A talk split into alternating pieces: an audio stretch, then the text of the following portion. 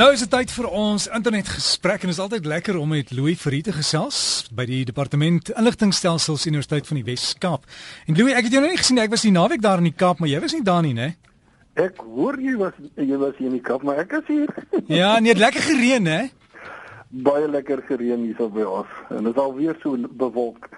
Ja, dis dis daarom jy verwag dit hierdie tyd van die jaar, maar Louis, jy het nou gesê ons praat oor slim selfoonassistente raak slimmer. Dis nie 'n storie van slim vang sy baas nie, né? Dit kan dalk so word, jy weet.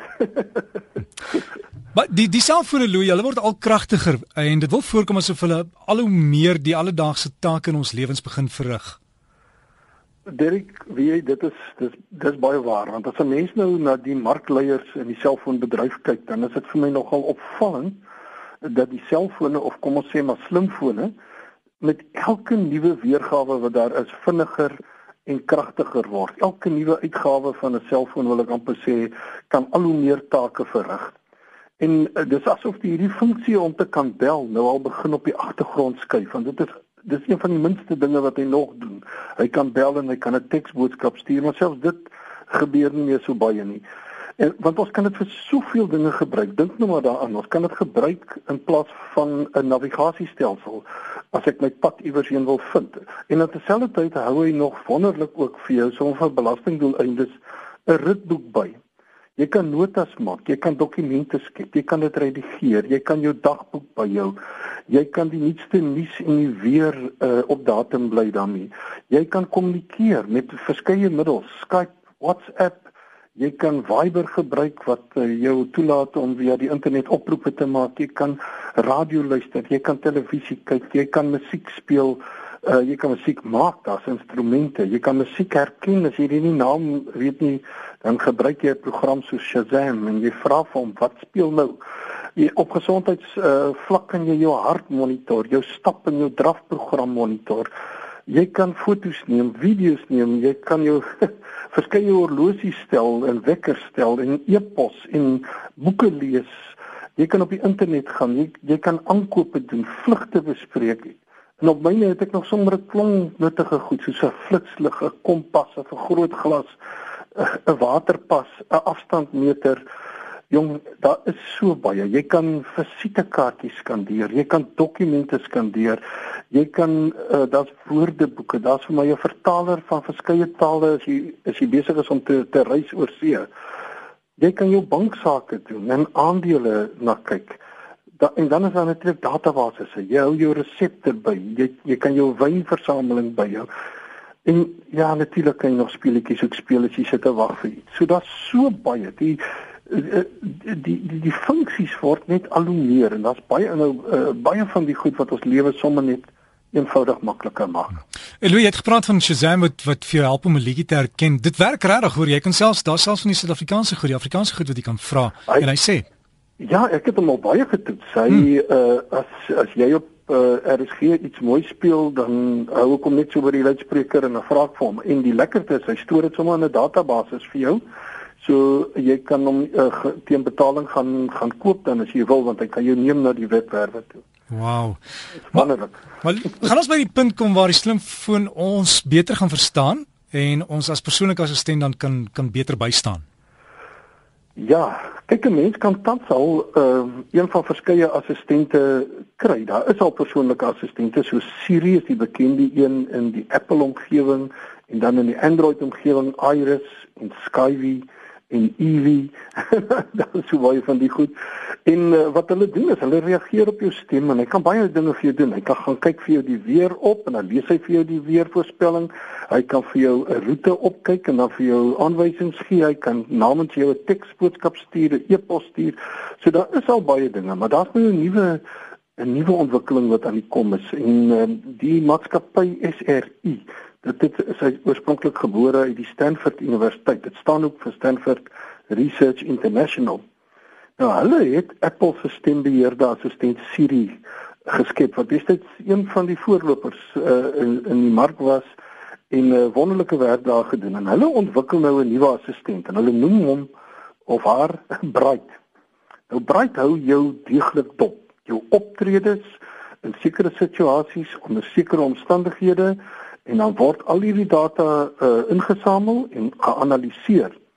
En dan op grond daarvan kan Bright dan sekere dinge namens jou doen of hy kan die die lewe vir jou makliker maak. Nou die oorspronklike doel uh, agter die, die ontwikkeling was dan natuurlik om uh, die verstandelike werk, die die kognitiewe werkslading wat werkers ervaar, veral in hoë stresomgewings om dit minder te maak sodat hulle produktiwiteit uh, kan verhoog. Maar natuurlik het dit nou begin oorspoel na persoonlike rekenaars en ook slimfone. Dit is net 'n bietjie moeiliker op 'n slimfoon want hy die alles is kleiner en nie so kragtig soos groot rekenaars nie.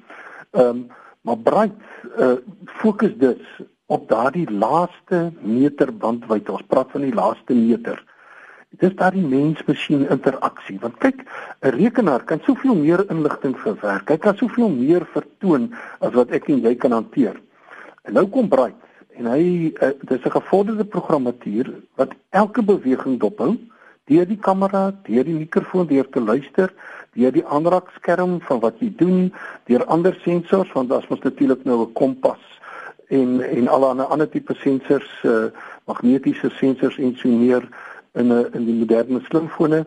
En al hierdie inligting korreleer hy dan.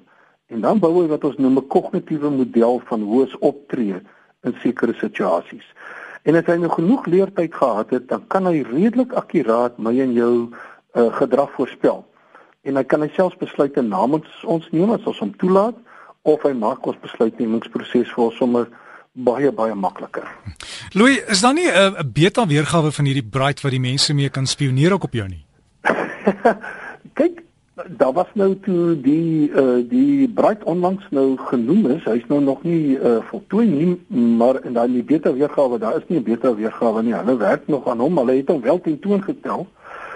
Toe het daar verskeie stemme uh uh, opgegaan en gesê maar dit raak baie gevaarlik want enige mens wat toegang tot dit kan kry uh, uh jy weet uh, kan dit nou gebruik en jy weet ons nou na Snowden is almal reg oor die wêreld verskriklik sensitief en uh, so pas is geopenbaar dat die Franse spioneer en die Duitse spioneer op hulle mense en die Engelse so nou is almal uh, baie baie sensitief. Ek dink nie dit was 'n goeie tyd om dit aan te kondig deur uh, SRI nie maar dit daar is 'n sensitiwiteit en natuurlik dit is iets wat al jou data versamel en iemand kry toegang daartoe dan is dit natuurlik nogal sensitief maar dit is gelukkig op jou selfoon dit is nie in die wolk nie Maar Louis, jy moet maar hier 'n Suid-Afrikaanse weergawe skryf, noem jy dit maar net koekeloer of so ietsie, hoor.